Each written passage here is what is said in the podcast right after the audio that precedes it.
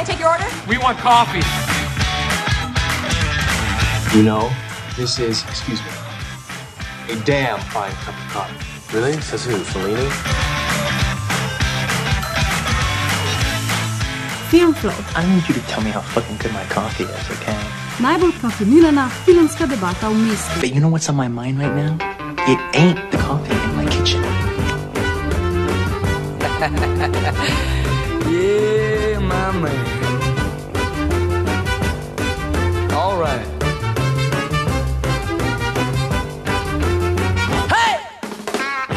Lep pozdrav v novi epizodi Filmflowa. Vaš najljubši filmski podcast se po krajšem poletnem premoru z današnjo epizodo vrača v vaše ušesa. In mislim, da se je splačalo počakati, kajti današnja oddaja bo filmska na kvadrat. Podcast o filmu, v filmu, v filmu, v filmu. Skratka, zleknite se v avto, odprite okna, prižgite radio KHJ in se odpravite na ležerno vožnjo po neonskih ulicah LA in zgodovini Hollywooda, ki jo v težko pričakovanem filmu Bilo je nekoč v Hollywoodu obudi Quentin Tarantino. Tell her that you love her like you know you should. Cause if you don't treat her right, she won't love you tonight. Kot je nekoč zapisala Bojana Bregar, ki danes žal ni mogla biti z nami, ampak zato z njenimi besedami začenjamo tale podcast, je vseeno, če ga ljubite ali sovražite. Quentin Tarantino je eden najbolj slovitih avtorjev sodobnega filma. To velja kot dejstvo in to dejstvo drži že iz časa, ko je po festivalskih krogih završalo, da bo ta nadvse zgovorni in vsevedni filmski gig ki je trdna tla pod nogami spodnesel vsem, ki so sedeli prvi, na prvi projekciji njegovega prvenca Stekli psi, v svet poslal naslednji izdelek. Naslednji izdelek je bil seveda šunt in ostalo, kot pravijo, je zgodovina. Filmska zgodovina. Ampak kako bi lahko sploh bilo kaj drugače, ko pa imamo opraviti s filmsko enciklopedijo na dveh nogah, človekom, ki mu v cinefilskem entuzijazmu ni para, pa ne gre za ljubezen do B-filmov, kultnih žanrskih odpadnikov, obskurnih naslovov azijske kinematografije, italijanskega džala ali špageti westernov, evropske art kinoprodukcije ali zlatega Hollywooda velikih studijev. Tarantino ima pač rad film od A do Ž in bojda tudi fotografski spomin. In take filme, ki jih ima rad z enako melo cinefilske strasti, tudi ustvarja. Zato ljubitelji filma vemo, da bomo kot gledalci od njegovih filmov dobili točno to, po kar smo prišli. Subverzivno žanrsko dekonstrukcijo, metafilmsko lekcijo iz filmske zgodovine in veliko krvave zabave. In nič drugače, ali pač ni tudi v njegovem najnovejšem filmu Bilo je nekoč v Hollywoodu, ki je bil letos maja premjerno prikazan na festivalu v Kanu. Kinematografsko pot po naših kinih pa je začel sredi avgusta. Here I come. Anybody order fried sauerkraut?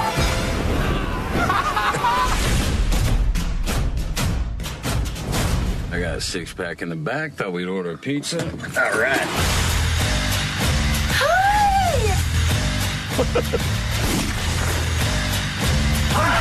That was the best acting I've ever seen.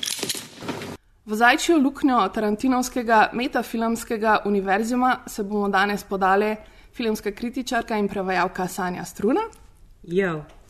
filmska kritičarka, prevaj, prevajalka in urednica oddaje Temna zvezda na Radiu Študent Anja Banko Živijo. in pa Maja Peharc. Čau. Ne filmska kritičarka in tudi ne prevajalka, hvala Bogu.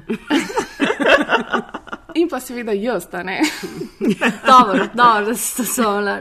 Ti, ti pa si Ana, štura, za vsak slučaj. Kdo vsaj, da se nismo slišali, če ste slučajno pozabili. Evo. Line.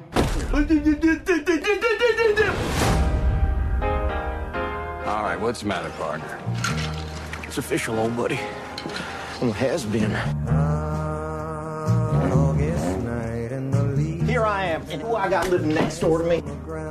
I'm Sharon Tate. I'm in the movies. That's me. V bilo je nekoč v Hollywoodu se Tarantino v svojem najbolj priljubljenem žanru, to je film o filmu, nostalgično pokloni zadnjim dnevom hollywoodske zlate dobe.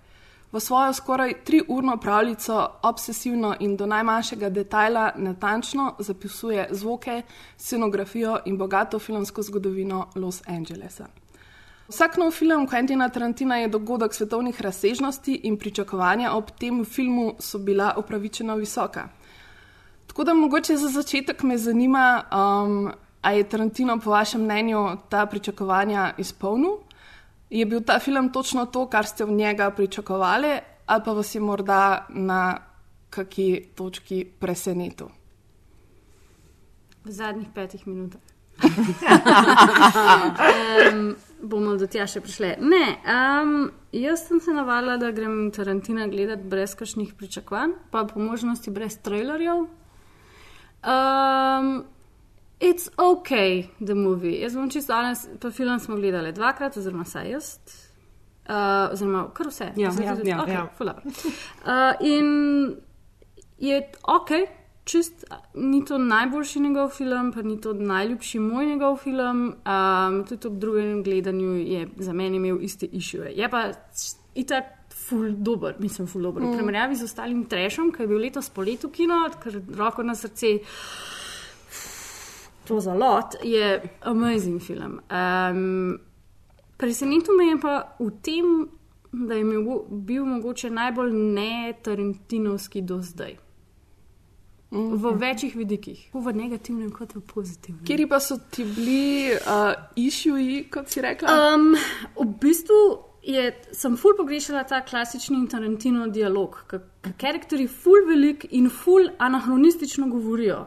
Ker recimo in v Django Unchained in v The Hateful Eight, tako karakteri skozi govorijo, pa ne govorijo tako, kot pač govorijo karakteri iz 1800 ali whatnot. Tle pa so zelo situirani v, v ta čas. In je pač, se mi zdi, da Tarantino zmeraj dela take uh, heightened reality movije, po vseh ta pa ni bil tako zelo fejst. Oziroma si mogel zelo veliko vedeti, da si ugotovil, kdaj se pač od realnosti odcepi. Tako da sem to malo pogrešala. Se govorijo o karakterji in tako naprej, ampak nekako ni to v fokusu. In sem to ful pogrešala. Um, tako ful je tak. Um, Drive-by movie, ne vem kako naj drugače rečem, da pač ga moraš sam gledati in, in ga sam gledati. Tako zelo, zelo, um, noč drugega noče od tebe, kot da ga sam gledaš. No. Tako se mi zdi. Noč ta zgor ne sporoči, razen v zadnjih petih minutah, Mm. ga sam. A, Ja, na nek način tudi nima v bistvu tega klasičnega dramaturškega Ne, zapleta. ja. Ne? V Mhm. bistvu Ja. je film, ki se odvija v dveh dneh, uh, oziroma tako je konstrukcija filma je taka, tako one day movie. Ja. Kinda, Šest- ki- šest- kjer v bistvu celotno Ja. dogajanje samo vodi do Ja. v bistvu zaključka oziroma Mhm. do pač končnega klimaksa, ki se zgodi. Mhm. In je, že iz tega vidika je drugačen od Ja, njegovih filmov, ne, ki so ponad zelo um, močno zasidrani v neko zgodbo, ki pač se zgodi. Tako da tukaj je definitivno tudi um, Ja, ta ja. razlika. Mislim, zato, ker se mi zdi, da je point tega filma, da si mali mrsaš v ta 60. Tako zato, ker recimo ne da bi vedela. Če bi šlo ta film, približno sem vedela, zakaj se gre. Je tudi res, da je bil uh, PR za ta film dosti drugačen od tega, kot film je, zato ker so, guess, da distributer je mogel ne, neki prva, z nečim prvabiti in ta Manson Family, a ne, itak. In tako film od tebe pričakuje se, da se boš potopil v 60 in tako malo. Imamo špasko v malih možganih, da se mora ta nek Manson pokol zgoditi. To te pa na vsake doktorate pripravi do tega, da si živčna, ko gledaš film, ker je pač par scen, ko si tako, oh, for fuck's sake, ampak pač pol je zelo tarantinovski na koncu. No. It's still good. You should still go see it, pač pejte v kino. Ker to je edina stvar, ki je letos v poletju bila dobra. Um, ja, jaz se strinjam s tabo. Okay. Um, pač, uh, mislim pa, da je dejansko to en tak film, v katerem jaz sem jaz najbolj začutila to, mogoče kar malo tako reverend distanco do, do pač subjekta, ker pač vedno imam mm. tak feeling, da pač, ko ima Tarantino nek žanr si izbere in pol je tako kot otrok, ki gre pač v peskovnik pač, in gre not in dela potičke in je pač ne vem, tukaj pa bolj ta scena, pogledajte, ta igrala, bila so čudovita. Pač, ne vem, mm. pač ful je bil en tak res, ne vem, um, očitno neka taka ljubezen do tega obdobja, mm -hmm. da, da pač je nekako sploh ni hotel preveč spreminjati po svoje. Mm -hmm. Pač neka taka, ne vem, res pač ta, ne vem, fenovska distanca, mm. ki je tako nenavadna. Ja, čeprav po drugi strani pa ne moš reči, da jo ni, zaradi tega, ker je fucking v filmu se pojavil tako tisoč in en insert iz različnih serij, filmov, Ne, uh, reklam. je. In Ja. Pač photoshopanih Leonardo DiCaprio v Ja. In, in vse Ja, te to, scene to. so točno te peskovniki, o katerih si govorila, Ja. ja. kjer si da duška. Ampak, Ampak res to ogrodje ampak filma tako, je ja. pa res drugačno. Ne? Ja. Ful bolj zadržano. Um, tako, tako kot si rekla, ne, manjka teh um, tipično uh, klasičnih tarantinovskih dialogov, zaradi katerih imamo vsi Tarantina radi Mhm. in v bistvu pusti likom res samo, da so. Mm. Da niso tako smart asses, ki skozi neki gobezdajo, je res. ampak da jih začutimo na neki drugi ravni, no, po mojem. Tako da ja, zatem je neka taka zrelost, bi človek skoraj rekel. Um, ki je tako malce ne tarantinovska. Prav je tako večni otrok, svoje, oziroma večni najstnik.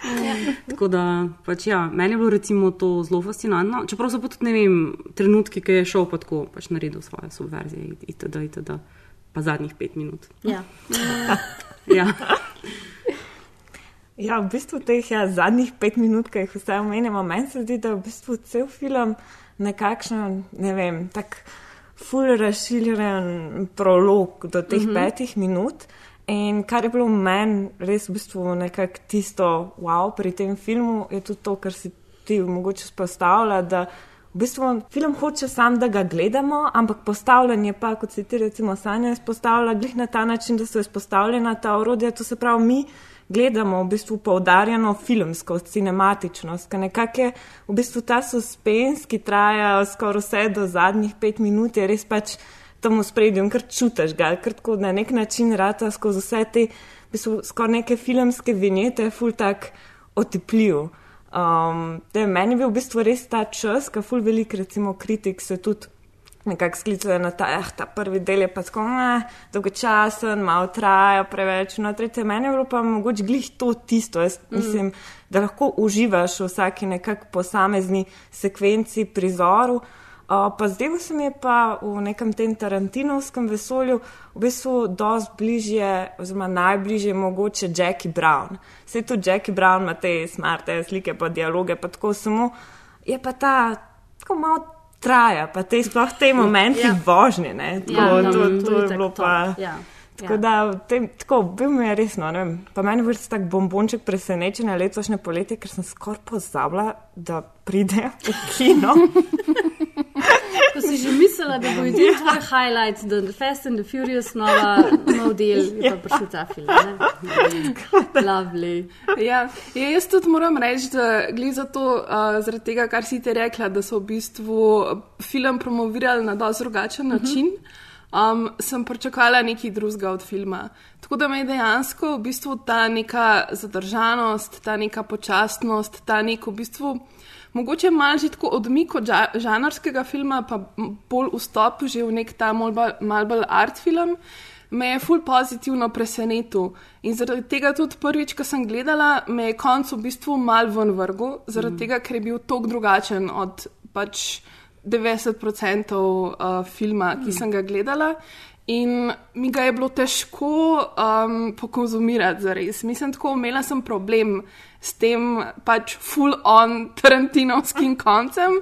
Um, ampak pol, ko sem ga drugič gledala, sem pa dojela, ne, mislim, to, kar si ti omenila, da je res v bistvu pač konc je tist, tista stvar, h kateri pač vse, vsaka sekunda tega filma pelje. Mm. Ker sem ga drugič gledala, mi je tudi ene par drugih stvari se bolj usedel in se mi zdi, no, da um, tudi jaz ne bi rekla, da je mogoče to moj najljubši Tarantino, ampak mislim, da je pa vseeno eno tako.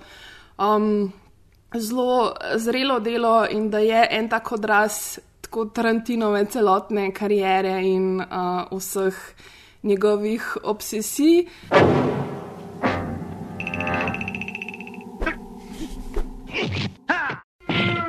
Bilo je nekoč v Hollywoodu, je, tako kot se doskrat zgodi vsem velikim filmom, nekako polariziral tako javnost kot uh, kritiško sfero. Eni v filmu res vidijo samo neko dolgočasno fetišiziranje filmske zgodovine in ga dojemajo kot res nekakšen Tarantinov samovšečen egotrip.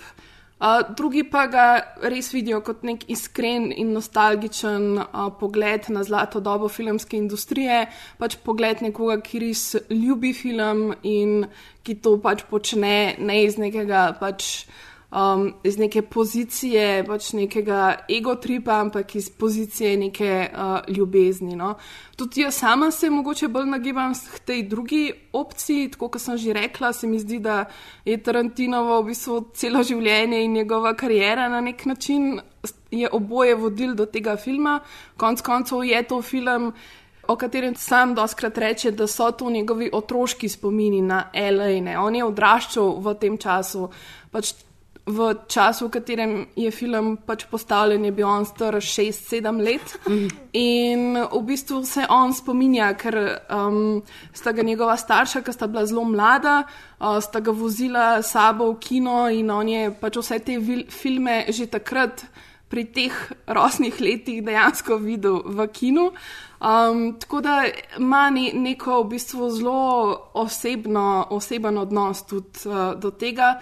Poleg tega, seveda, da je pač ultimativni cinefil in mm. da mu pač to obdobje samo dogaja, tako kot pač vsa filmska obdobja, a jaz nekako tudi v tem filmu se res vidi, kako vse te njegove obsesije, od fascinacije z odsluženimi igravci, uh, tudi sam je v kar precej filmih obudil kariero.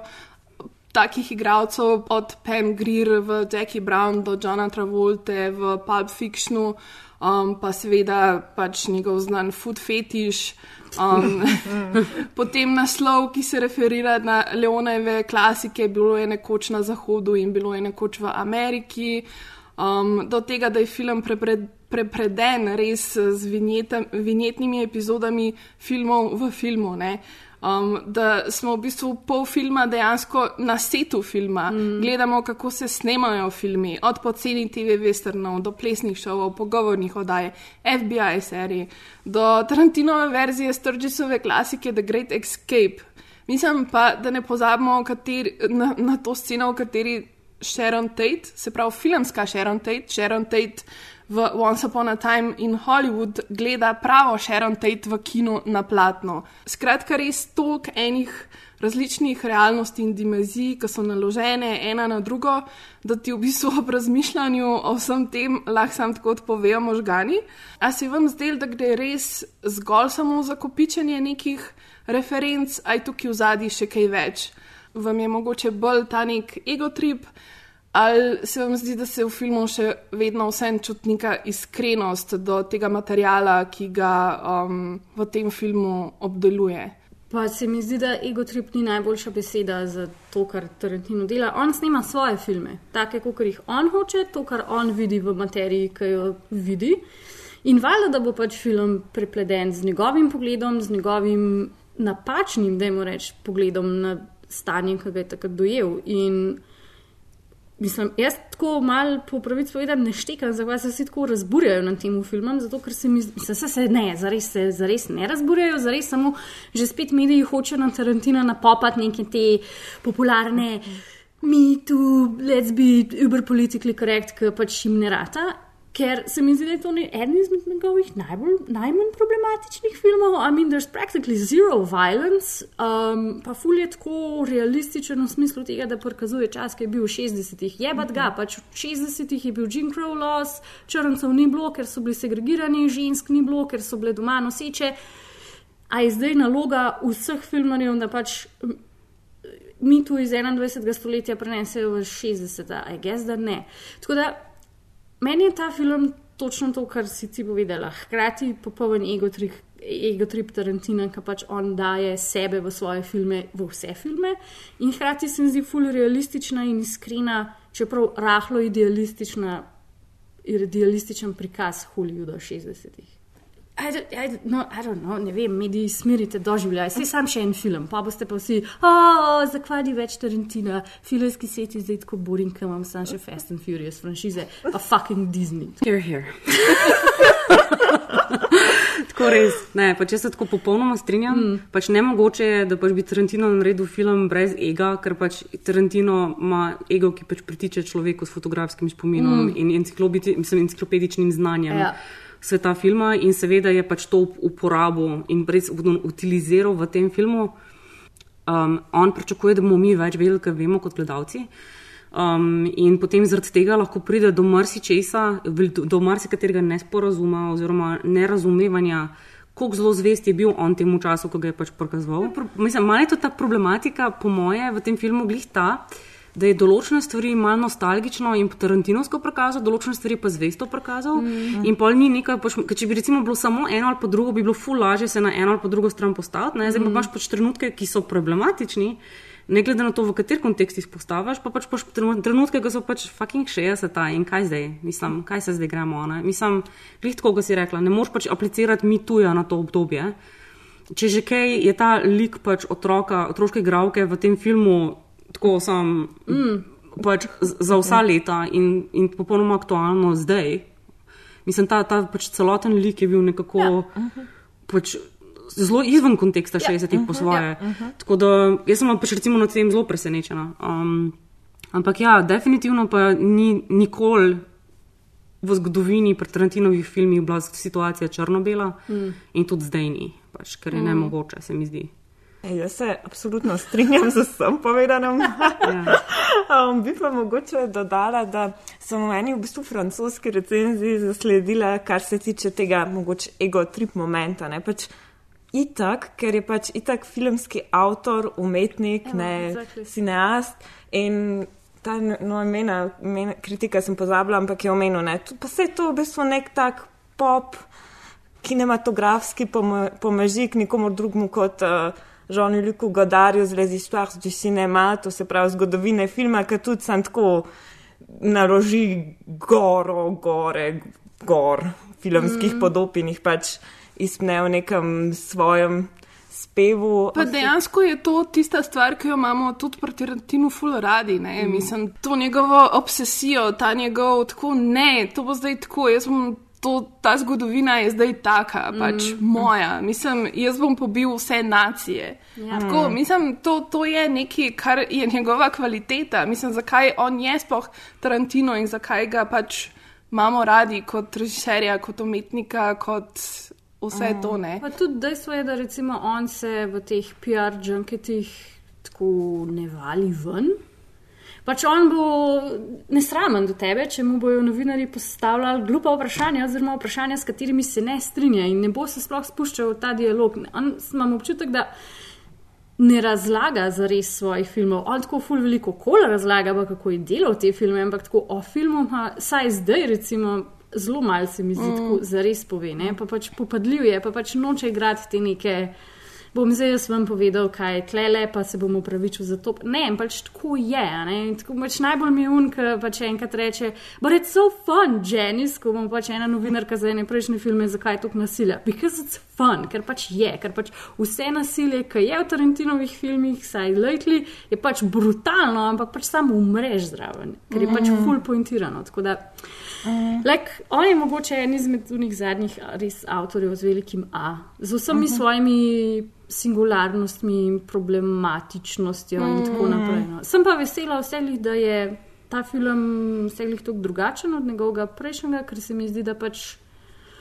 It shows some sort of growth. No? Ja, ker Ne, pač Hateful Eight je bil grozen. Mislim, Okej, grozen. Pač, like, Tako, again. prosim. Najmanj originalen Tarantinov film. Ah. Jaz sem, za, jaz sem letos poleti enkrat šla gledati v Cankarja uh, njegovo, ne, ne njegovo. Ennio Morricone- Ennio Morricone muziko. Koncert je bil sicer obupen, Mhm. ker pač ni bilo dober, ampak pač Hateful Eight del je bil pa ful dober in imam zdaj zaradi tega, ker je bila pač live verzija teme tako dobra, ful film v boljšem spominu. Res. Nekako je to ful boljši film, čeprav se tam Ja. muska pojavil samo za prve Mm. tri minute, ampak je kar tako najbolj ever. Ja, mislim, meni je bil film daleč od tega, da bi mi bil slab. Um, tako, mislim, dejansko- disagree. Disagree to agree Ja, disagree. ja, le, let's agree to disagree. Um, mislim, malo bi se navezala še na to, kar si ti rekla, ker se mi zdi, da je to ena tako zelo močna uh, točka filma. In da je tudi to nekaj, kar film dela, ne? ker stapla v bistvu nekako zgodovino filma z, neko, z nekimi spomini Tarantina kot otroka v, v tem času, uh, z nekimi realnimi dogodki in z neko pravljico oziroma z neko namišljeno. Pripoveduje pač o nekem Hollywoodu, ki ga najbrž nikoli zares ni bilo. Ne? To je res mm. njegova. Ampak v tej njegovi fantaziji se meša vse. Ne? Mislim, mešajo se reference, meša se zgodovina, meša se realnost, meša se pač njegov pogled na vse te stvari, ki jih um, nekako prikazuje. In mislim, da je to zelo tako spretno um, prepleteno v filmu. No? Tako da včasih težko v bistvu daš prst na to, kaj je zdaj res, kaj ni, kaj je nekako vse tako dejansko preplasteno. Mm. In dejansko je to način, na katerega v bistvu tudi dojemamo svet. Ne? Zaradi tega, ker danes je res težko ločiti med tem. Mislim, da je najbrž je vedno bilo, veš, kaj je tisto res, pa kaj mi mislimo, da je res. Tako, resnica je nekaj, kar je mogoče tako dokaj absolutna resnica, nekaj, kar je dokaj nedostopno no, na, na nek način. Um, ampak v bistvu se vse zdaj smo ugotovili, da mogoče to polariziranje je dost neumno. Ne? Um, pa v, je pa vse en tako, a si na enem polu ali na drugem, nikoli ne moreš zanikati, da Tarantino ne naredi svoje domače naloge. Mm. Uh, film je res tako kompleksen in prepreden z zgodovino in kulturnimi referencami, da se pač v naštevanju vseh lahko samo zgubiš. Um, se mi pa zdi fajn, da mogoče tako malo ilustriramo to, kako res mnogo plasten je ta film in kaj vse se da brati v njemu. Tako da um, smo se nekako odločili, da bi vsaka si vzela eno sekvenco iz filma in jo mal uh, predstavljala tako v luči tega Tarantinovskega metafilmskega univerzuma um, Hollywooda leta 69. Tako da, who wants to start? A, moram že spet jaz. Okay, sure, fine. Ne, v redu, v redu, that's fine. V smeri urinega kazalca. Ja, to je edino pravilno. Um, moje, moji najlepši deli tega filma so tisti, v katerih se Brad Pitt vozi z radijom po L.A.U. in naokoli. Ena izmed mojih najljubših stvari, če pač bi lahko, bi se pač sam skozi vozila od A do B do C, z pač mojo priljubljeno musko, če ne pač to fulno uničval planeta, pa zahtevali od mene, da si kupam avto, če je ridiculous. Tako da meni so sam te scene res dobre, zato ker se vozijo valjda v njih ta velikih ameriških ladjah naokol. Radio je še tako, ko je basically samo radio, pa je tako ameriške reklame so pač najbolj osem na svetu, ker si sam tako, wow, koliko ste vi bizaren narod.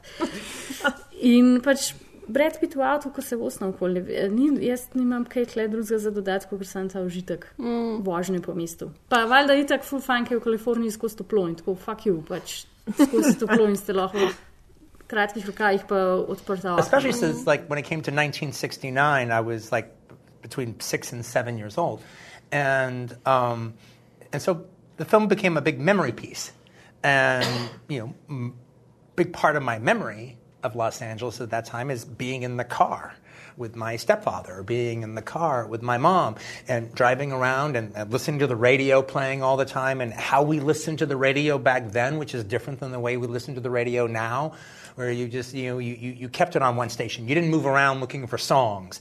And then when the, the commercials played you played the radio really loud. And when the commercials played you didn't turn the radio down. You just talked over it over the already loud radio. And uh, and I, you know I remember the bus stops advertising the you know uh, uh, uh, the rerun shows that are on the local tel- television stations and the movie posters and the you know diet right RC Cola uh, billboards, all that kind of stuff. That's what I remember. In fact, there's even um, my stepfather drove a Carmen Ghia uh, like uh, Cliff's character drives. And even that whole shot where you see Cliff driving by those signs, I'm like, well, that's pretty much my view, looking up at my stepfather in the Carmen Gia as he drove around uh, Los Angeles, me looking up at him like that, an angle very similar to what we had with Brad. Um, potem sta se pa starša ločila in so ga poslali nazaj v Tennessee. Oh, no. In on je pač, on je živel tako nekaj let izključno v, v kinu in v filmih, in potem so ga poslali v Tennessee, kjer niso imeli niti kina. Mm. In potem pač je izgubil to, ta stik mm. s tem krajem, s to kulturo. Enostavno se mi zdi, da s tem filmom nekako to poskuša tudi ne, nazaj ja, dobiti. Mm. Um, meni je bilo v bistvu tako, tudi ne bi mogla single out tega prizora, ampak bi rekla, da je tako res ta attention to detail, ki je tako res tarantinovski po svoje, ki se tako res malo umešča v to samo obdobje. Tudi stvari, ki jih mogoče sploh nikoli ne uporabljam, od tega, da, vem, da se pač Brad Pitt domov pelje v svojo prikolico, mimo enega driving kina mm, in potem ima tam zunaj razstavljeno pač neko orodje, na katerem žal nikoli ne telovati. Um, Tako da ne, pač, have you seen him zgoraj brez, valjda da telovati. no, ti ste tako pač roof climbing, prosim. Um, ampak še vedno, ne, pač, mislim, tudi moram reči, da props. Uh, uh, pa do tega, da ne vem, gledaš pač set za western in ti samo tako prikaže, kako so v bistvu tla prašna in stopnice in pač. Gor gre nekdo v kabelskih škornjih in potem dol gre nekdo v petah, ker pač očitno nek executive bil noter in neki rihto. In pač taki čist mali mm. momenti, ki so tako malka bombončki, ki te še malo bolj postavijo v ta svet in ti ga malo bolj naredijo pač več dimenzionalnega. No. Um, Drugač pa, kaj pa vem, mislim, jaz sem itak ta film gledala skoraj eno tako neuresnično romanco med dvema moškima. Ja. Um, in bi pač ja. potem bila full meta in rekla, da tisti moment tam na koncu, da pač lijo pač roko na avto, je bil v bistvu pač samo aluzija na Titanik. Hvala, Tarantino. Um, and that hand. Yes. Ali to je bilo že preveč meta? Ja, ne, ne, ne absolutno. absolutno. ja. Čeprav v drugem gledanju jaz nisem tako zaznala tega um, gej momenta, oziroma mm. pač whatever momenta, ampak ta prvo, ko sem bila po kinu dvoru na dvorišču, sem bila sem tako fucking hell, zakaj mi ne gledamo pač like a gay lover movie med Pitom pa DiCaprio. Ja, to, to, ja, pač to mi ramo, to se vidi. Ja, se DiCaprio joka. Ja. ja. Don't do it in front of the Mexicans, ja, Anna. Ker imaš Ker sem tako kva. Ja, vsi vemo, da če te mehičani vidijo joka, da je to pa konc sveta. Ja, drink your tears, I don't know. Ja. tako da ja, le to. Ja, jaz tudi ne, klele imam momente, mehne, čist drobne detajle. O, v bistvu včeraj, ko smo z Ano hodili domov še od drugega ogleda filma, sem ji rekla ravno to, te prizori z vožnjo avtomobila in ta perspektiva, ki še je povdarila, ker mene pa najbolj fascinira lasje, ki, plapoja, ki plapolajo v vetru. Tako pač, ker so dosti take statične podobe, vedno do zadnjih hrbatne, teh dveh, ki se rahlo levo in desno nagibati, ampak potem tisti lasje mm. z vetrom, to mi je bilo samo fascinantno. In mm. um, v bistvu glih to, kar sem mogoče čez na začetku že vzpostavila ta film skozi to trajanje, ta čas, to, skozi v bistvu take detajle, ki nekako, kako bi rekla, rahlo vzvalovijo samo filmsko podobo od znotraj. Recimo, všeč mi je bilo, ker si ti včeraj tudi Jana povdarila, um, ko pride na uh, tisti uh, ranč, ne, kjer uh, biva The Manson Family. Mm -hmm. uh, je to dosti tak neprestatičen prizor, ki gledamo pač vso to cesto, malo ta pesek, tako da vetru šli tako hajno. Pa pa psi. To mi je bilo mm. ful genialno opaska, ker pač vse je statično, sem tu in tam tako priskakljal, oziroma ne priskakljal en pes. Mm -hmm. In je tudi tako v bistvu na isti način nekako to statiko vedno znova razbija in kar ne vem, pusti filmu, da zadiha v tej svoji cinematičnosti. Tako da meni so bili res v tem momentu tudi. Mm. Pa jaz imam še eno stvar, ki sem jo prej lepo povedala. Uh -huh. Ful mi je bilo v bistvu fascinantno, kako je, um, ker sem dejansko pričakovala glede na to, kaj sem prej prebrala, preden sem film šla gledati, da bojo v bistvu ženski liki malo bolj idealizirani, oziroma malo bolj remote. In mi je bilo ful fascinantno, kakšen pristop je on ubral za to, da smo pač v bistvu jih malo bolj dojeli kot vem, človeške in to so bili umazani podplati. Mm -hmm.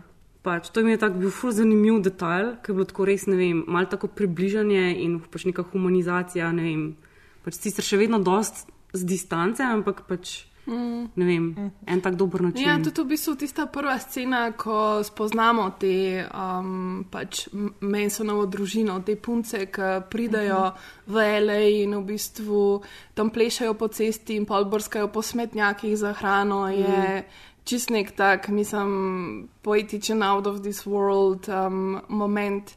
Mene je mogoče vsem uh, tako.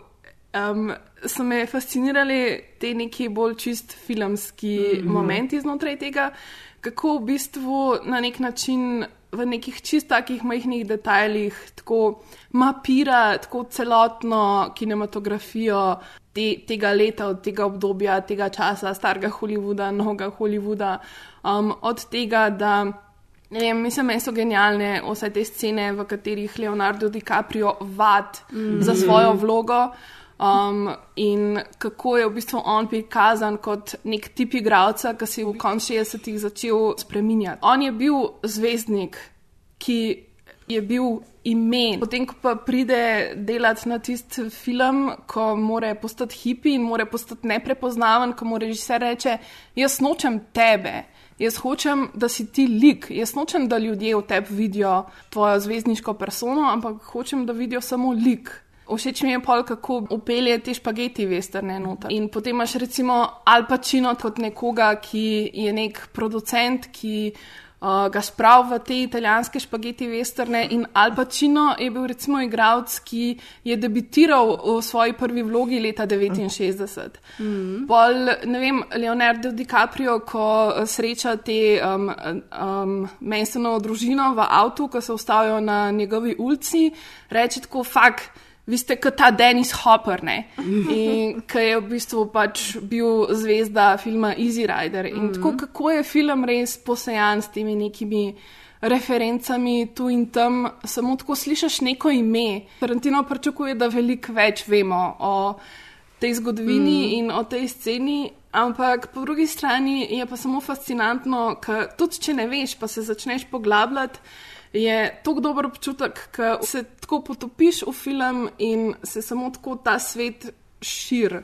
In mi je to ena od stvari, ki so mi res um, fenomenalne. Bolj je njegovih osebnih stvari na nek način tudi noter, ne? bolj proti koncu, ko grejo Sharon Tate mm. in Mm. njeni prijatelji v neko mehiško uh, restauracijo El Coyote, um, pač na, na Margarite in v bistvu se Sharon Tate ustavi pred vhodom in reče tako, o, kaj pa se tam dogaja v tistem porno kinu. Ne? Pa reče Jay, um, je pač premiero imajo, ne porno filma, pa ona, o, fuck, tako tudi porno filmi so imeli premiere, tako, ja, itak, ful so zabavne. In v bistvu Tarantino je, ki je bil star 16 let, točno v tem kinu delal Mm. kot Usher.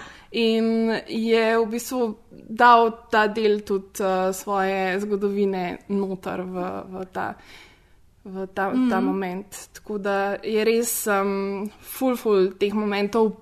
Poleg tega, da so snemali v dejanski Playboyovi vili, recimo, mm -hmm. um, ki je tudi v bistvu en tako stank nekega tako deloma starega sveta, pa tako malce tega tranzitiona, tako ta free love, neki, neki mislim, tako full zanimivih uh, elementov je res v, Mhm. v tem noter. Je pa še ena scena, ki je dvignila kar precej prahu. In sicer je to scena, v kateri se spopadata Bruce Lee in pa Cliff Booth. Ja. My hands are registered as lethal weapons. We get into a fight, I accidentally kill you. I go to jail. Anybody accidentally kills anybody in a fight, they go to jail. It's called manslaughter. Tako, da malo rišemo to sceno. ne. Um, en kup kaskaderjev um, in, in podpornih igralcev stoji okrog, očitno čakajo, da bojo pač na vrsti za snemanje. In med pred njimi se tako Wizi šopir Bruce Lee, ne? in pač Cliff Booth to posluša in nekako pride do tega, da, da ga Bruce izzove na nek dvoboj, da bi mu malo pokazal, kdo je šef. Uh, konča se pa tako, da v bistvu Bruce Lee preleti v vrata um, avta. Pač basically Brad Pitt bi ga prefukal. No, Brad Pitt bi ga prefukal, tako, tako, ne, tako, tako stopila v stopila mesa. in ne. Vse poslala face v PM. Tako, tako. In pač ta prizor je pač problematičen, oziroma v, luft je šlo en kup ljudi, čeprav um, vključno z hčerko od Brusa Lija, ki je pač ki, ki happy, ja. Shannon, ki, pač je, ki, ki je in charge of the Lee estate. Ta prizor je problematičen. Absolutno, ampak mogoče ljudje napačne stvari Mm. problematizirajo. Pač, um, fora je v tem, da jaz čisto verjamem, kot sem pač, ker sem si tako res pogledala in kup videov in tako naprej, in jaz vem, da tip je tako govoril. To ja. Pač tip in verjamem, da tudi je moral malo pozirati, ker on je bil prvi azijski američan, ki je v bistvu stopil stran od tistih stereotipnih geekov in nekih čudnih komičnih uložkov in je pač bolj to maskulinost. In pač jaz pač vas bom vse prebol, scena, ker vas lahko, ker pač ne vem, veš, z mizincem vas lahko. Pač ta moment je imel in on je pač po mojem moral malo asrtati svojo prisotnost in jaz bi tudi rekla, da pač ta arogantnost oziroma ta samozavest bi bila čist legit. Pač jaz mislim, da to ni problem, da pač folk prav, he's an asshole. Pač jaz imam proble problemi so v tem in to je tudi njegov v bistvu biograf spostavil, da Bruce Lee so ljudje vedno izzivali na dvoboje, on pa nikoli ni izzival sam. In tudi ne rad se je spopadal z drugimi, razen če pač se ni dalo drugače tega. In tudi praviloma je zmagal v vseh. Sam za enega, sam za enega se pač ve, ki je bil v bistvu, um, bil, bil je izvan strani enega drugega, v bistvu mojstra borilnih veščin, ker jim je šlo full nos, da je on treniral te ljudi, ki niso bili azijci, v, v skrivnostih. In pač je bil potem izvan in naj bi bil panel, da pač če zmaga Brusli, lahko še naprej uči, če pa ne zmaga, pa, ne pa pač ne sme. Naj bi bil izid mal tako nečist določen, oziroma glede na nekatere pač pričevanja je zmagal Un, na to drugo pričevanje je zmagal Brus. Predvsem na pričevanje samega Brusa. Um, ampak pač, in Brus je še naprej pač delal, in tako naprej. ne. Uh, je pa res, da pač je potem spremenil določene stvari in je bolj se vrgel v ta street fighting, ker je pač Mhm. in prišel do, teh pač, uh, do, do tega, da je pač svo, svojo verzijo karateja v bistvu izumil. Mm. Um, je pa tako dejstvo, da je on v tem filmu popolnoma tako logično. In pač, ker on je bil prijatelj od J.A. Sebriga in je sploh postal slaven, ker mu je J.C. Sebrig pa zrihtal prvo vlogo, pač v tem The Green Hornet, ki je v bistvu tudi ta prizor se dogaja na v bistvu behind the scenes snemanja te serije. In on kot Kato je zaslovel. On je tudi tako kot Sharon Tate, nekako nek tak eh, pa, ne vem, talent, ki, ki je umrl, še preden bi dosegel svoj, svoj Mhm. vrh slave, ker pač je umrl že pred 32. Um, in v bistvu glih ta, in potem je spet ta problem, ne. glih ta vloga Kejta v tem prizoru je v bistvu bila spremenila ogromno stvari za reprezentacijo. Ker pač Keto je bil, pač ta serija je bila tako popularna v Hongkongu, da so jo spremenili v The Keto Show. Mm. Pač ni bila sploh več Green Hornet, ampak je bila The Keto Show, ker je bila pač v Aziji so prvič imeli nekoga, ki je bil tako, pač reprezentacija je pomembna. a ne. Pa da ni bil karikatura. In da ni bil karikatura in pač točno to. In glih kar zaradi tega, ker se je pač Bruce Lee celo življenje prizadeval, da bi šel stran od tega, da bi bil stereotipiziran, da ne bi bili stereotipizirani liki, je dejstvo, da je bil pač postavljen v vlogo nekoga, ki je tam basically samo zato, da se pokaže, koliko je močen Cliff Booth, belc, Mhm. je pač Problematično. problematično. a ne? Mhm. Pač, in jaz to čisto razumem, da pač ni bilo namenoma, in jaz razumem, da je bil da je Tarantino full fan pač Brusa Lija in pač vseh teh pač filmov in tako naprej. Ampak dejstvo, da v tem dvoboju zmaga Cliff Booth, dejstvo, da pač je nek, neke vrste malega pohodu, je tako glih za, vsa, za pač polovico tega sveta, ki je Azicov, Mm. kot reprezentativno. Pač, veš, pač on je tako nostalgično pristopil k vsem drugim ljudem, Mm. mm. njega je pa pohodu mm. in je tako full bad. Ja, čeprav v resnici zdaj premišljamo o tem prizoru, pa v bistvu, až one dva se nista sploh do konca sfajtala. Ne? Dejansko je Zaradi tega, odprto. ker, ker je pre, prekinjen ta Ja. dvoboj. Ne? Ja. Mislim, mi vidimo Tako da- samo začetek. Ja, Mi vidimo pač to, da je pač Bruce zmagal v prvi Mm. mm. rundi in da je pač Cliff Booth zmagal v drugi rundi. It's a a tie, It's ja. a tie, sort of, ampak še vedno pač je dejstvo, da je ta tie tako končan, da pač je Bruce Lee v avtu. Mhm. a ne, Pač in, Ja. in pač pusti en konkreten dent v tem avtu. Ja, ja. Ampak jaz mislim, ne vem, jaz o Bruslju nič ne vem, Mhm. ker pač. I don't really care. In meni je bila ta scena čisto obična, Mhm. ker nič ne vem o tem, za izvedika nekoga, ki pač pojma nima o teh niansah. Like, I don't know shit. Mhm. In je bilo tako, ja, šur, pač dva tipa se buckata, mislim, se Mhm. bosta svajtala, ker guys are dicks, right? Mm. Kar se mi je, kar, kar bi bila, kar, na kar sem bila jaz najbolj tako je bilo, oh, fuck, Bruce Lee res govori stereotipno. Asian American, mm. ampak pa sem pogledala intervjuje, tip je tako govoril. Ne, on je točno pač to, on tako govori. Mike pač Mo tako- je tako čudovito. Ja, Tako da, on, on ni naredil nič narobe. Recimo, Ja. zaradi- za, za ene, neko neuko osebo je pač to čist ena scena, norm, mislim, normalna. Jaz v tem. Mm. Like, raz, pač tako pa razumem, da, pač, uh, da smo mogli dolan za The Crazy Rich Asians čakati na neko mm. uno reprezentacijo Az, Asian Americans v nekem običnem. Pač reprezentacija je ful problematična, ampak meni se zdi tako, ja, valjda, pač dudes be dudes, pa Brad Pitt bo zmagal, ker je pač Brad Pitt glavni lik tega filma. In tako pač, again, Tarantino predvideva, da mi Mhm. ful veliko vemo, mislim, Mhm. ful veliko vemo, da pač tisti ljudje, ki vejo več, bodo imeli drugačno izkušnjo o tem Mhm. filmu, ker pač absolutno štekam po tem, kar si ti povedala, da je to pač ja, problematično. Ne? Čeprav, Mhm. Mislim, problematično, hkrati sem probala zdaj na podlagi tega, kar si ti povedala, brati to subverzivno, ampak da bi res bilo subverzivno. Manjka Mm, nekaj, nekaj mogoče ta manjka. prekinitev, da Ja. odpade, Mhm. ali pa bi mogla biti zadeva veliko bolj očitna tudi za une, ker nič ne vemo. Mhm. A veš, da bi res, Mhm. ok, fakt, v tukaj pa Tarantino zdaj problematizira to, da so Asian Americans zmeraj bili forsirani v neke te.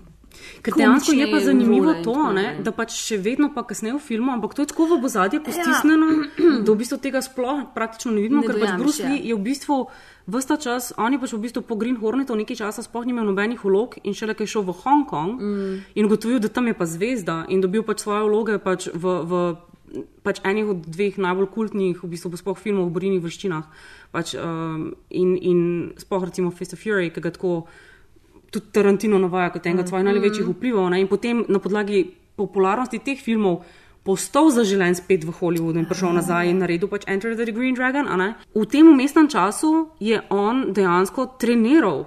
Ljudi. In to dejansko, da mi vidimo njega, ki trenira Sharon Tate za pač um, Wrecking Ball, to dejansko se je dogajalo. On Ja. sicer je ni treniral na dan, ki je umrla, ampak on je njo treniral za ta prizor, on je treniral Steva McQueena, on je, on je bil v bistvu koreograf in, in, Ja. pač, in privatni učitelj Ja. teh slavnih za prizor z borilnimi Zaradi veščinami. tega, ker to je bil tudi čas, ko so v bistvu filmi o borilnih veščinah doživeli totalen boom. Ne? Ja, tako, ampak tudi zaradi njega. Mm, Pač, mhm, prav absolutno. obdobje, ki je sledilo njegovi smrti, se je imenovalo prav Bruce Exploitation, ki so pač ne vem, kar en, ne vem, Bruce Lee z enim ijem ali pa ne vem, whatever, in so pač potem tako ne vem, in delali scene by scene, pač iste filme, ki jih je on delal, pa ne vem.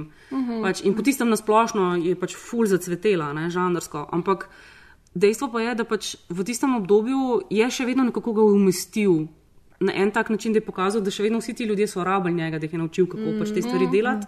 Tako da je mal, mislim, jaz mislim, da Tarantino ni, absolutno ni namenoma tega naredil problematičnega, ja. ampak ta problematika je pač čist na nivoju, ker se ga zelo malo ljudi mogoče zaveda. In tudi mm -hmm. on je pač med temi ljudmi, ki mogoče se ne zaveda čist, koliko je ta reprezentacija pač, Azi, Pomembna. pač azijskim američanom ja. američanom pomembna. In da pač če ti vzameš, ker jaz tudi razumem, da je on pač hotel pokazati, da je klip bo tako močen, kako bom pokazal, to je dejansko rekel v enem intervjuju, kako bom pokazal, da je tako močen, je tako, da bo Bruselija prebil. Ja, ker pač Bruce Lee je bil takrat Ja, top. Ne? ja, ker je bil on the top, a ne. Tako makes ga pač umesti to, it-. It makes sense. It makes perfect movie, sense. ne. Ampak. Ampak istočasno se pa ne da zanikati, da je pač ta upodobitev problematična. Ja. Mislim pa, da je problematična je tudi iz tega vidika, ker to je način, na katerega stari Hollywood Ja. ja. vidi nove igralce, no, neke nove ljudi, ki bojo prišli in, in bojo.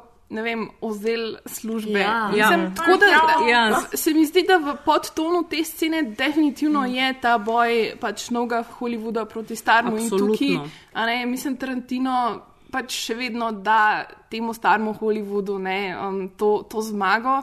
Ja. Čeprav ve, da ne, ne bo zmagal, ne, ne more. Mm. Mm. Mislim, ne glede na to, kolikrat Brad Pitt prebuta Ja. pač Brusa Lija, ne more spremeniti mm. tega, da se je čas spremenil in da je on postal irrelevanten a ne, v, ja. v tej zgodbi. Actor? No, I'm a stuntman. Stuntman. That's way better. Why is that way better? Actors are phony. Ko sem gledala to, sem res začela malo razmišljati o, v bistvu o tej Tarantinovi obsesiji z mm -hmm. liki uh, kaskaderjev. Imamo um, Zoe Bell, real life. Uh, kaskaderka v filmu Kill Bill, kaskaderka od Ume Thurman in je potem Tarantino dal svoj film, oziroma jo je kestov kot njo samo v Dead Proofu, mm -hmm. ne, v uh, filmu Smrtno varen. V tem filmu se je pojavil tudi kaskader Mike, stuntman Mike, se pravi Kurt Russell. Mm -hmm. In ne vem, tako sem razmišljala, Tarantino je res fasciniran v bistvu s kaskaderji. In pa sem mal začela pač razmišljati o tem, tako fakt, da so se sploh pojavili kaskaderji. Mislim, tako, zdi se mi, da tukaj imamo dve, dva momenta. Ne? Ko na začetku imamo ta intervju uh -huh. um, z Leonardo DiCaprio in z Bradom Pittom, uh, ko govorita o tem, ne, kaj je sploh naloga kaskaderja. Leonardo uh -huh. DiCaprio ima kaskaderja zato, da se on ne bi poškodoval, da bi pač produkcija lahko naprej tekla. Ne? Je na nek način tako njegov insurance policy. Mm, ja. Zdaj, tako, stuntmeni, originalno so bili v bistvu akrobati, že mm. v 18. in 19. stoletju. In potem si to nekako sem v film prenesla in že v filmu The Great Train Robbery imamo prve, ki pač v bistvu prav stunt people. Mm -hmm. um, in včasih so jih prav vključili kot neke stranske like notorje v filme, včasih so pa dejansko, potem kasneje sploh, so pa dejansko začeli zamenjevati, sploh v času, ne vem, kaj je bilo bolj ta body comedy oziroma slapstick mm -hmm. comedy scena, ki pač ne vem, Charlie Chaplin, na na na. na Pa Keaton. Ja, je pa Buster Keaton, ki se, ja, ki se je bilo pač treba ful po tleh metati ne, in pač so bile poškodbe pogoste. Mislim, ja, pa kdajmo si priznati, je bilo pač uh, delo stunt ljudi še tako zares nevarno. Ja, Mislim, in tudi don, in samo ime kaskader izvaja ja. iz tega, je izhaja iz tega, da se pač na neki točki nekdo mora dejansko vršiti po francosko v cascade, v, v slab. Wow. Iz tega ime prihaja, wow, okay. kaskader, ker pa če je nekdo šel v slab. Na neki točki so dejansko začeli študije plačevati za to, da ne bi bili igralci yeah. poškodovani, da bi lahko serije, sploh ja. televizijske serije, yeah. tekle naprej. Dejansko zanimivo. Na začetku so bili to akrobati, v času zlatega Hollywooda so pa prave kavboje. Mm. V bistvu imeli prav na nekih rančih ob Hollywoodu, kjer so šli na dnevno iskat in pač tebe, tebe, tebe, 10 dolarjev na dan. In pa so se pač oni metali dol s konjem, ker so pač bolj to znali, ker so, ker so pač ja. Bronco Riders. Pa to, tako da v bistvu je zanimivo. Da v bistvu, ja, pač. Sorry, zdaj si predstavljam tako ograde, v katerih se Brad Pitt, not pa se. Ja. Tako je pač tako, like, ti pa ti pa ti, wow. pač, ker zgledaš podoben temu, potem yeah. po temu. Ampak dejansko je tako zgledal. Pač, oni so dejansko, mislim, prav eno skupino um, kavbojev so imeli prav stacionirano yeah. na ranču ob L.A.U. Yeah. in so jih pač šli iskat, ko so jih pač rabili. Yeah. Um, in, in je bilo tako malo, ful tak res kapitalističen shopping mm -hmm. moment. Pa se danes, danes pač, tudi iz istega razloga imajo danes stuntmene, zato ja. da pač se kaj ne zgodi. Mm -hmm. Razen če si Tom Cruise, Tom Cruise ja. pač julo. Si pa tu, ja, le, everything myself. Ja, in potem pač greš in si na kameri zelo mož gležen. Ja, in potem je to, a veš, hashtag mission impossible. To ja. zdaj postaja tudi selling point za uh mhm. -huh. sodobne filme. Pač tako, ali, je, ali si Tom Cruise, ki se s tem pol hvališ, pa pač ne vem, se naučiš leteti letalo, zato da lahko ne vem kaj, ali si uh, Keanu Reeves, ki dela sam svoje akcije, zato ker je razlika med tem, da delaš stunte, da delaš akcije. Recimo, uh mhm. -huh. To pač danes postaja selling point. Pa pa to ni samo danes. Ja, no, če si iskreno. Pač, bilo, že, na začetku, devetna, ne, že na začetku filmov je bil prav en kaskader, ki je ratov tako slaven s svojimi stanti, mm. da je v bistvu potem ratov igral igralec. Pač ja. Dejansko so obstajajo, obstajajo tudi prestopi. Pa mogoče zanimivo, Bruce Lee si je v bistvu poškodoval hrba, če preden je šel v Hongkong. In v teh filmih, ki so ga v bistvu naredili, je on imel. Stand-up, ker pač on ni več mogel vsega delati. Yeah. Ja. Določene stvari, ja, določene ne, in tleh dejansko pridemo v to, kdo je v bistvu full bil v tem. Um, pri filmu uh, pač Fist of Fury mm -hmm. je bil je eden od stand ljudi, mladi 17-letni Jackie Chan. Ja, in Jackie Chan. Favorite story. Ja, lej, in Jackie Chan pač je glizar tega, ker je pač videl, da on uporablja stand table, se je odločil, da v bistvu ne, on pa ne bo tako, on hoče pač, da se vedno, da pač bo vedno vse sam delal. Mm -hmm. In on je potem ratov igralec, ki ne sem, da vedno delal svoje stante, ampak imel še svojo skupino, mm -hmm. pač uh, kaskaderjev, ki so pač izvajali zadeve. In pač je tudi ustraja, da pri čemer koli, kar se z njim dela, da se ga vedno snema v obraz, da se pač vedno mhm. vidi, da je to on. Ja, ja je, mislim, v bistvu ta, pač, te kaskaderi so en tak podporni temelj ne, ja. v bistvu Hollywooda. In zdi se mi, da tako Tarantino jim res uh, konstantno poskuša dati nek, neko, neko tako ja. vrednost. Mislim, zato, ker so ful prezrti. Mhm. Recimo, če zdaj gledaš Press Junket, imaš občutek, da, na, da so film naredili trije ljudje, oziroma Mhm. štirje. Pač Margot Robbie, DiCaprio, Pitt pa Tarantino. Ne, pač film je naredil tausend ljudi. Pa najbrž tako kot um, special effect artisti ne bojo nikoli imeli Oscarja, mogoče tudi kaskaderi.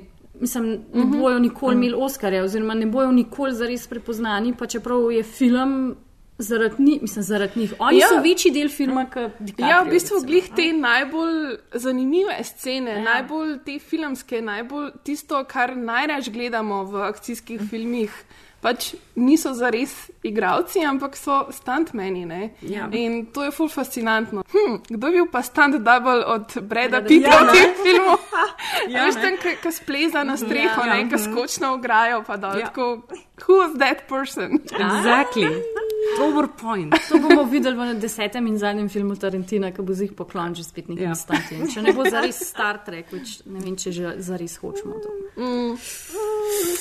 Ja, Skeptično. Mislim, ja, ampak ne. Ampak ja, ja, ampak ne. Ja. Tako maybe, ampak ne zares. Ja.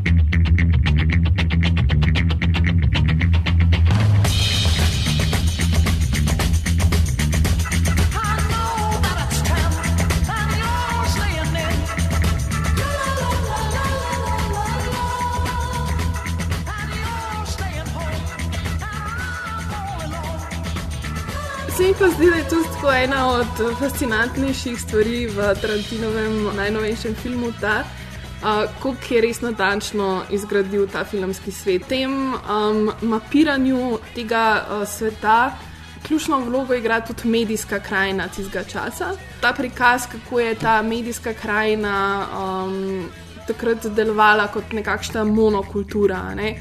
V bistvu, kako so vsi gledali iste serije. Ne glede na to, ali so bili to holivudska elita, ali so bili to um, neki pač odpadniki družbe, kot so bili um, pač Mansonovi pripadniki na um, tem ranču. Vsi so gledali pač serijo FBI. Um, vem, vsi so poslušali isti radio, vsi so bili nekako upeti v to isto um, kulturo. Um, na nek način lahko rečeš, da so imeli vsi neko isto zavest. Hollywood je ugrabil naše nezavedno. Ne? Mm -hmm. To v bistvu nezavedno celotne družbe, ne glede na to, ali so bili pač elita ali so bili čist na dnu, je bila enaka. In zdi se mi, da je ful fascinantno no, tudi malo uh, razmišljati o tem, um, kako, kakšen je bil ta zeitgeist tega časa. Kakšna je bila ta kultura, kaj se je dejansko dogajalo, kaj je vse to napovedovalo, Um, skratka, tako, kakšna je bila res Amerika tega leta, oziroma kako jo vidi Tarantino. Res je bil prelom nekega časa. No? Prav tako, ko si prebereš malo, kaj se je zgodilo, ne vem, Moon Landing, pa zadnji Beatle nastop, pa prvi Concord. Pa um, Woodstock um, in vse te stvari, pač muska, takrat je bil prvi Led Zeppelin album, recimo um, Abbey Road je vam prišel, prvi e-mail se je dejansko takrat poslal med dvema računalnikoma, oziroma Mm, mm, med nekim tem sistemom, kontracepcija. Mhm. Uh, The Queen, rata The Queen, recimo, which is amazing, Richard Nixon postane predsednik in tako pač. It was really a, an interesting time. Se mi zdi, da je res pač takrat svet naredil en tak mal večji preskok iz pač te neke 50-ta Mhm. tradicija, whatnot v 60-ta, 70-ta, hipi, anti-war, uh, mislim, protivojna gibanja, free love in vse te stvari. In je tak nek pač premustitveni moment. No. Tako.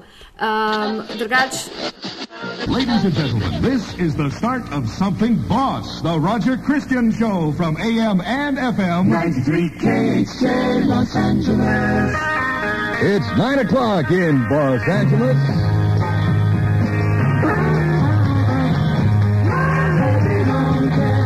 My baby don't care. Beatles on KHJ Boss Radio 93 at the time. KHJ time is 4 minutes past 9. Ticket to ride.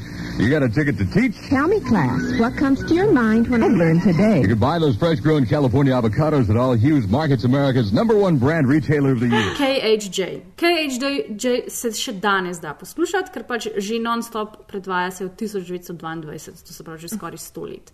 KHJ je drugače kratica za kindness, happiness and joy. ker je to začel kot uh, Christian Radio, pa še danes je Christian Radio.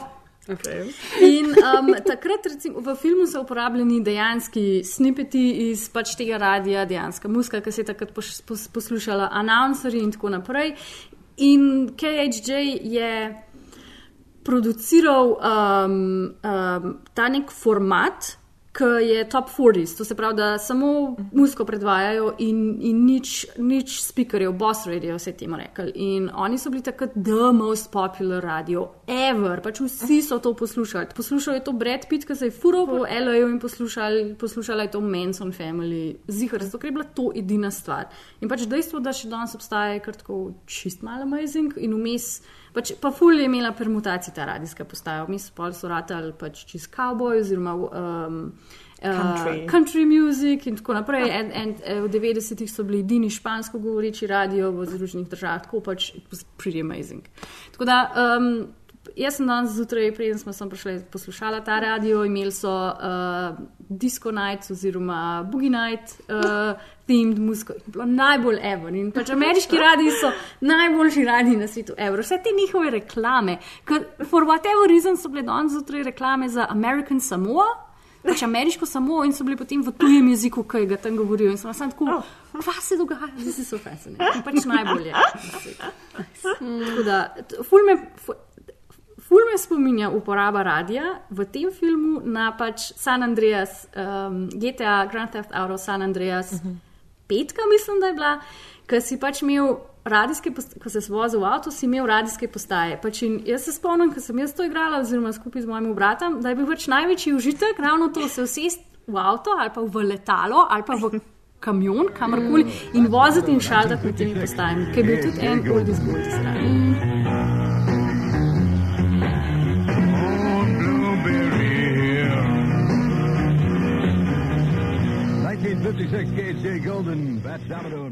Ful je to zanimiv čas, po vojni se začne razvijati televizija, mm. pa mislim medije nasplošno, pa oglaševanje, na polno ta konzumerizem, American Dream in vse te stvari. Nekako se mi zdi, da v tem letu res tako ta kontrakultura mm. nekako začne. Mm.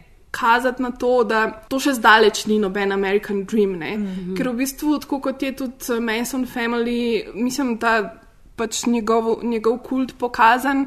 Mislim, to so bili pač revni ljudje, ki niso imeli ničesar in za njih ni bilo služb, niso imeli nobene izob... Mislim, tako. Zahvaljujoč Mindhunterju zdaj vem, da ni tako, ampak ja, temu reče tako. De, de, Mislim, pač, le, deloma je bilo tako, ja, deloma ni bilo pač. tako, pač Mi so tudi bogataški otroci, ki so od doma pobegnili, pa Ja, niso imeli pač, kam iti, so bili tehnično gledano revni in niso kam se imeli dati. Ampak niso imeli mesta, ki bi jih sprejeli kot take, kot so.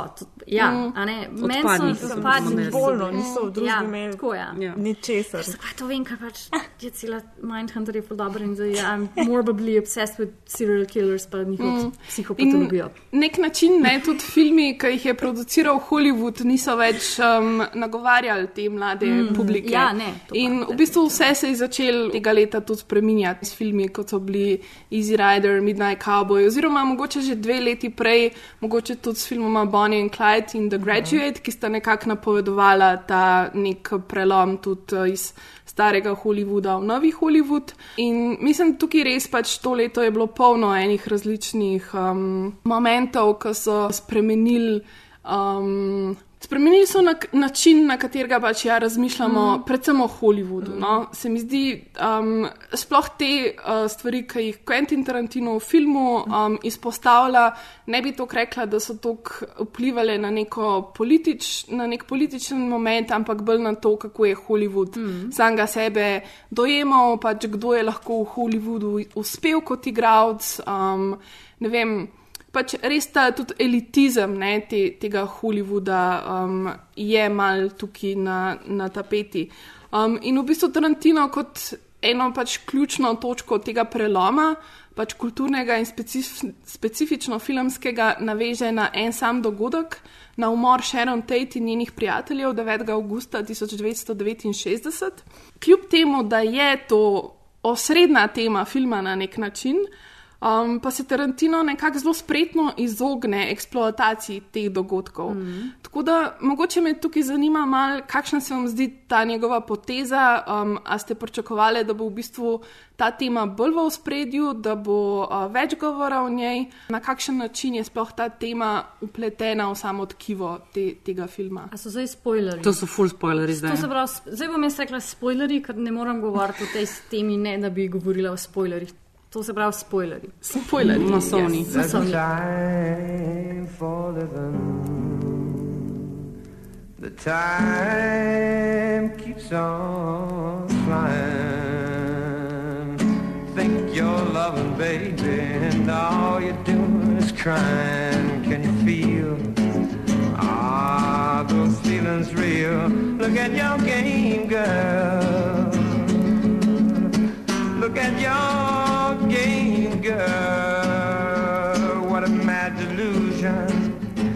Living in that confusion, frustration and doubt. Na en tak zanimiv način ti je full hitar jasen, ko vidiš te Manson Girls, ki si jih ti že omenila ta moment, da so to te Manson Girls. In zelo počas meandra do tega konca. Tako pač ti spremljaš Brad Pitta, pa pač Leonardo DiCaprio, pa Paul Polanskega, pa Sharon Tate. Pa že spet ne razumem, zakaj so ljudje tako jezni nad prizori Sharon Tate, ker se mi zdi, da so full amazing. Mm -hmm. Pač ta, ni, ta dan, ki ga ona ima, ki je sama zase, ki gre po knjigo pa v kino. Like, What the fuck, mislim, kva še drugega hoč, ki pač spremljate en ženski lik, ki pač sam je in pač gleda to, in to, kar dela. Ok, pa ali pač skočimo za šest mesecev in pridemo do tega usodnega dneva. Itak mi vemo, da je bila ona devet mesecev noseča in da je pač so jo zaštihali v um, otroški sobi in da je umrla in vse to in je pač ful tragično in se bojiš za te, za te ljudi, ne. Tako da pa enkrat, pol, ko pridemo do tega momenta, smo pa tako že ofa, ker pač pri Tarantinu točno veš, it can go like a couple of ways. Lahko pač bo pač full eksploitivno pokazal nasilje nad Sharon Tate, pa pač drive to the point, kako grozno je to bilo, ali pa naredil nekaj drugega. Ne? Hvala Bogu, tle naredi nekaj drugega in pač Brad Pitt na LSD basically prefuka vse, pa Leonardo DiCaprio zažge ljudi, tako da pač čudovito, čudovit release. Se mi pa zdi, da je ta moment, re, realen moment, ko so Manson, Manson familijo naredili to, kar so naredili, bil res en tak rez v Hollywood. Zato se mi zdi, da dolgega trenutka so nekako ti ljudje živeli v takem mehurčku, ko so se počutili nedotakljive. Pa počutili so se tako ne pomembne, ampak tako integralne za ta duh časa, v katerem so, Mhm. da oni so pa tok del te kulture, da itak ne more biti neki kontra njim. Zakaj bi bilo kaj kontra njim, če so pa quintessential good guys, mislim, good guys. Pač, they're good people, prenašajo zabavo in ne vem Mm. kaj. In zato se mi zdi, da je bilo še toliko bolj grozen, ker so bili prvič dotak, dotaknjeni. Mislim, Jaz se mi zdi, da, da so mislili, da je to zvezdništvo v bistvu neka taka protekcija, ki Ja. jo imajo, da Ja. se jim zaradi tega nič ne, Ne more zgoditi. ja. res. Po svoje je zanimivo, ker v tem filmu je ta, to, na to vem, nasilno obnašanje Tarantinovsko še bolj katarzično, glede tega, Ja. ker pač v bistvu cel film pričakujemo, da bomo njo videli in pa namesto tega res na, na tak kreativen način pač fašajo tisti, ki naj bi to izvajali. Ne, tako res ne vem, en tak mal drugačen pogled na nasilje. Ja. Um, plus tisti cel pogovor, ki ga pač Manson imajo, preden grejo na Ja, ja, ja, ja, tudi ja. en tak mal, tako ne vem, kaj. s- Takrat začne film pa zares divirati. stran, Mhm. Ja, ne, res. Zato, ker si tudi v bistvu ti tri, štiri otroci v avtu zmislili drug razlog, zakaj bojo Mhm. ubijali, kaj meni so nekako hoteli zaštartati race war. Ja. Yeah. Oni so Mhm. se pa kao spravili, oni pa pač glih to tematizirajo. Ne? Pač kao, mi smo cel live gledali TV in ljudje na TV-ju se pobijamo, dajmo, pobija, dajmo mi pobiti une ljudi, ki so Mhm. nas naučili pobijati. Kao, ne? Pač ta neka Mhm. obrn, nastavimo Hollywoodu um, zrcalo in mogoče tudi Tarantinu, ki bo skozi naprej mečejo, da pač Ja, pa glorificira nasilje. To je, mislim, da bil en tak zelo Ja. ja. moment Mhm. uh -huh. samo uvida. Ja, mislim, samo z- uvida. z- Oziroma uvida. Ja. Ja. Mogoče tako malo tega, pa malo pluvanja v oči. Ja, Ja, ne vem, kako bi šlo ja. k temu rekel. Pač, tako, uh, zelo tarantinovsko. Ampak definitivno ja, je pa pač res pol. Mislim, ker jaz sem tako pravno. Malo kranksiozna, tako, uh Mhm. -huh. kaj bo zdaj s tem. Definitivno. In, in potem je bilo tako res sem katarz. Ja, najbolje je bilo. Pač Res, najbolj in pa priješ ven in si kratko malo spočit. Ja, Tako res. Ma, Res. Tarantino ful zna Ja. ja. dobro tepati v ta naš moment relisa, da pač Mhm. spustiš nekaj v sebe, pač da greš čisto v fantazijo. In, ker itak je ful boleče o tem premišljati. Pač Sharon Tate je bila mm. na Mhm. začetku karijere, bila je noseča, pač res tragedija, bla bla bla. In podobno kot pri Inglorious Bastards, ki uh -huh. pač Hitlerja zradira, tlele pač zradira te tri dude in pa ti da eno možnost, oh, wow, kako bi lahko bilo. Ne? Zato pa Ja, je Once uh-huh. Upon a Time in Hollywood, ker je Mhm. pač pravljica to. In je tudi v bistvu potem vprašanje, kaj je on hotel v bistvu s tem, ker v bistvu tako neke vrste pač ne vem, spremeniti konec starega Hollywooda Ja, in novega. podaljšati ga ja, mogoče podaljšati pa- malo. V Ali pa ga bistvu ga združ, ne? Združ, ja. ja. Mislim, v bistvu pač naredi tak mehak prehod Ja. m- med njim, zaradi Ja. tega, ker v bistvu povabijo poj Ja. lik od Leonarda Ja. ne, k njim na kavo in nekako. Tako je Je rekel, implicirano, mislim, pač, v ja. bistvu, kaj pa če sem samo eno um, zabavo v bazenu um, stran od tega, da bi igral v filmu Romana Polanskega. ne. Kar se mi zdi, da In- pač film napeljuje, da pač, o, zdaj pa mora. Zdaj pa bo, ja. Zdaj pa to to, ne. Zdaj gremo pa v to smer. Ja. Tako da, Tako da ja, Tarantino nam da tak smut uh, prehod ja. pol enega, um, enega v, v, v drugega. Just to say your love's not enough. If on you can't be true, you can tell those lies, baby, but you're only fooling you. Can you feel ah, those feelings real? Look at Karina Longwood, ki ima ta super podcast, um, You Must Remember This, ona je naredila celo serijo, um, mislim, da 12 epizod o Hollywoodu Charlesa Mansona. In ona tam tudi govori o tem, da Manson je bil res tak tipičen hollywoodski lik. Um, način, na katerega se je on zgradil, in način, na katerega je on iskal to neko slavo, in um, pač pro, kako mu ni ratal, in kako je pol se obrnil proti temu, je neka ta taka hollywoodska zgodba. Ne? In um, zdi se mi, so, mislim, tako fascinantno, da je v bistvu. Cel ta Masonov kult je bil konstantno povezan nekako uh -huh. s filmsko industrijo. Ne? Tudi mislim, samo to dejstvo, da so živeli na pač Spawn Film uh Mhm. -huh. Ranchu, pač na ranču, kjer so snemali včasih pač game. Sad, sad game.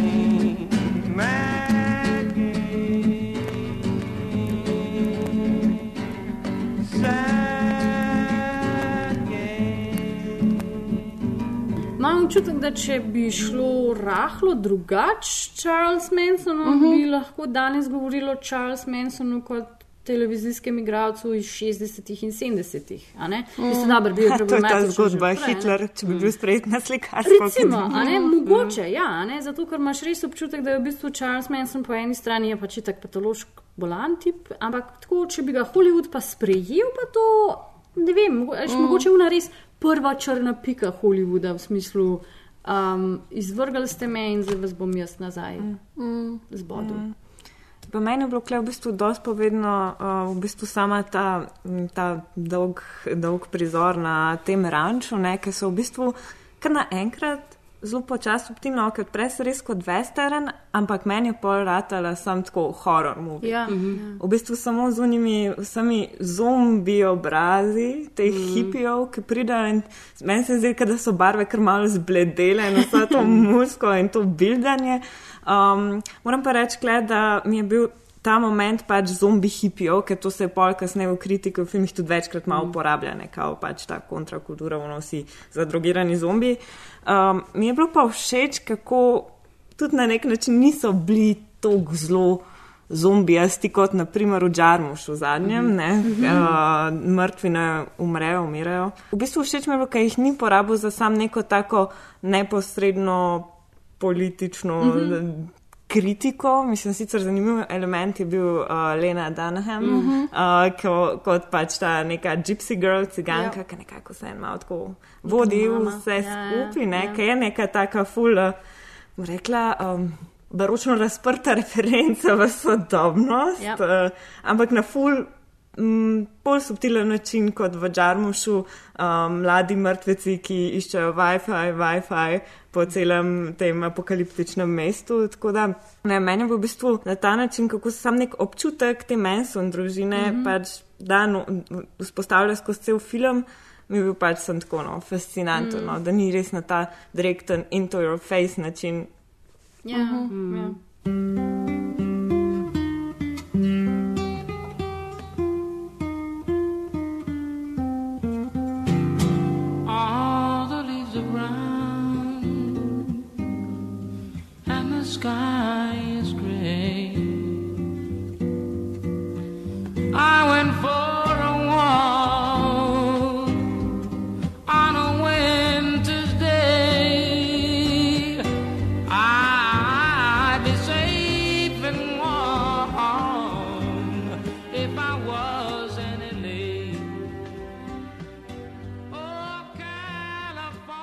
Konec nas v bistvu čakajo samo še film Flow priporočila. Kot smo že večkrat danes omenili, je uh, film Once Upon a Time in Hollywood postavljen v leto 1969. Pred kratkim pa je umrl tudi eden ključnih protagonistov, ki so zaznamovali to filmsko leto in to je bil Peter Fonda. Uh, to je bil producent, soscenarist in pa zvezda filma Easy Rider, uh, ki velja za enega ključnih filmov um, tega leta in sploh uh, kontrakulture, nekako tega prvega filma, uh, tako imenovanega Novega Hollywooda. Zato bi so tokratni zbori oziroma priporočila posvečamo filmom, ki so v kina prišli leta 1969. By the way, get Vandecamp's frozen foods at all Michael's markets in Orange, Santa Ana, Corona, Yorba Linda, and Riverside. Customer service. Leta still first and 1969 je prišel ven prvi celovečerni Peanuts film, uh, A Boy Named Charlie Brown. Ja, in pač ti stripi in pač ta zgodba in splošno, mislim, tako res, res en tak drugačen pristop k, k pač otrokom moškega spola in ženskega spola in pač, ne vem, snupiju. Um, pač, in tako res sem, ne vem, če je kaj tako za nazaj, pa za pogled, pa tako za malo buditi, včasih ti pinaci res niso bili tako ne. Mm. Pa tudi nasplošno mislim, da Pinac velja za neko, da za najdaljšo zgodbo, ki jo je ena oseba o eni osebi povedala ali nekaj. No, to foro, ki je pač imel Mm, tok oh, nadaljevanj in tok let, je pač ta strip izhajal. ne. Mhm. Tako da pač, ja, evo. Cool. A boy named Charlie Brown. Nice. Za začetek bitka na Neretvi, by the way, Oh, wow. leto Mhm. 69. Nice. Ja, mislim, da je dejansko v filmu ena referenca, tako čist mini, na Jula Brennerja. Možno. Mhm. Ja, ne, no, odkrite jo. A ja, pa pogooglite, kdo je to, če ne veste. Ok, pol pač imamo Felini, Satirikon, Valda, um, potem Medeja, Pasolini, Mlečna cesta, Bunuel, Moja noč pri mod od Romerja. To spravo, zdaj nismo več v novi val nekem, ampak smo že bolj v tem uh, filmskem modernizmu, oziroma tudi Fassbinder, uh, ta njegov Katzelmacher, uh, pa še en, dva filma Fassbinderja prijeta ven. Bi naredila poudarek še na drug konc sveta, na japonskem, gremo na japonsko, uh, The Funeral Parade of Roses, ki je en najpomembnejših filmov japonskega novega vala v bistvu in uh, tudi zelo slogovno, eksperimentalno, dokumentarno, pač kar zelo impresiven. Še bolj impresivna je pa mogoče zgodba sama, ki pa govori o v bistvu transvestitu, to spravi tej neki gej uh, subkulturi na japonskem. Uh, vsekakor en prelomnejših filmov, tudi nedavno restauriran v 4K, tako da imate na internetih prav dobre kopije. Um, Ok, ja, bi pa uh, mogoče rekla, kaj je pa kind of moj favorit iz tega leta, kar sem odkrila danes zjutraj, da je narejen bil v tem letu, je pa Sweet Charity. To se pravi, uh, to je pa musical. Mm. To je en prvih večjih musicalov, ki ga je naredil post, to se pravi režiser od Chicaga in Cabareja.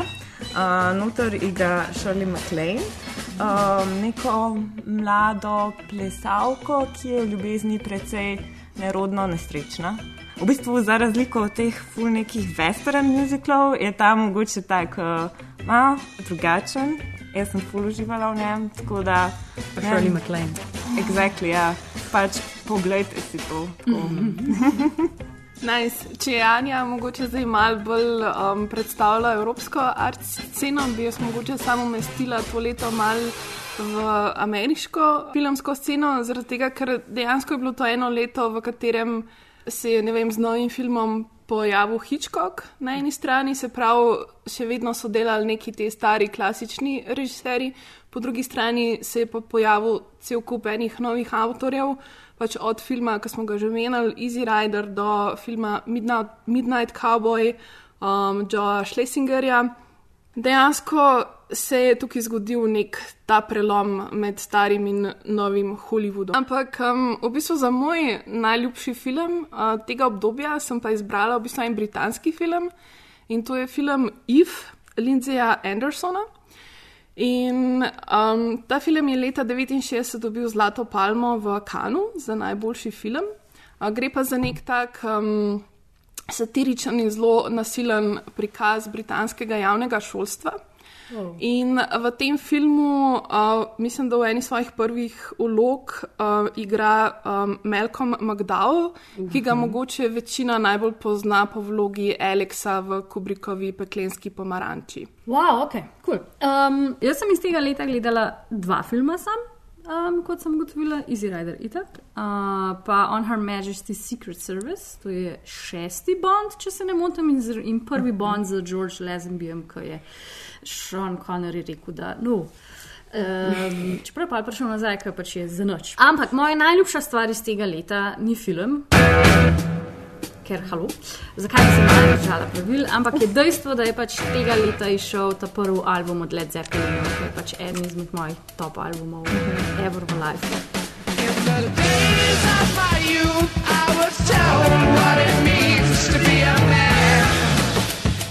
Ja, uživajte. God.